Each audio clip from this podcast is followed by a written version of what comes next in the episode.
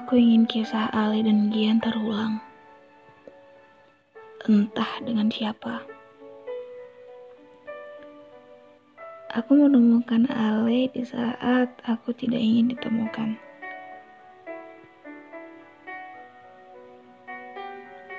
Begitu pandainya Ale mencuri hatiku di saat hatiku tidak ingin berlabuh ke siapa pun.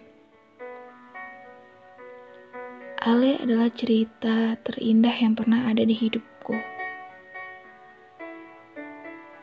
Ale sangat indah. Tapi sayangnya aku tidak bisa memilikinya lagi. Dia sudah dimiliki oleh wanita lain yang aku nggak tahu siapa sosoknya. Lima tahun sudah, kisah Ali dan Gian berakhir. Tapi hati Gian masih untuk Ale.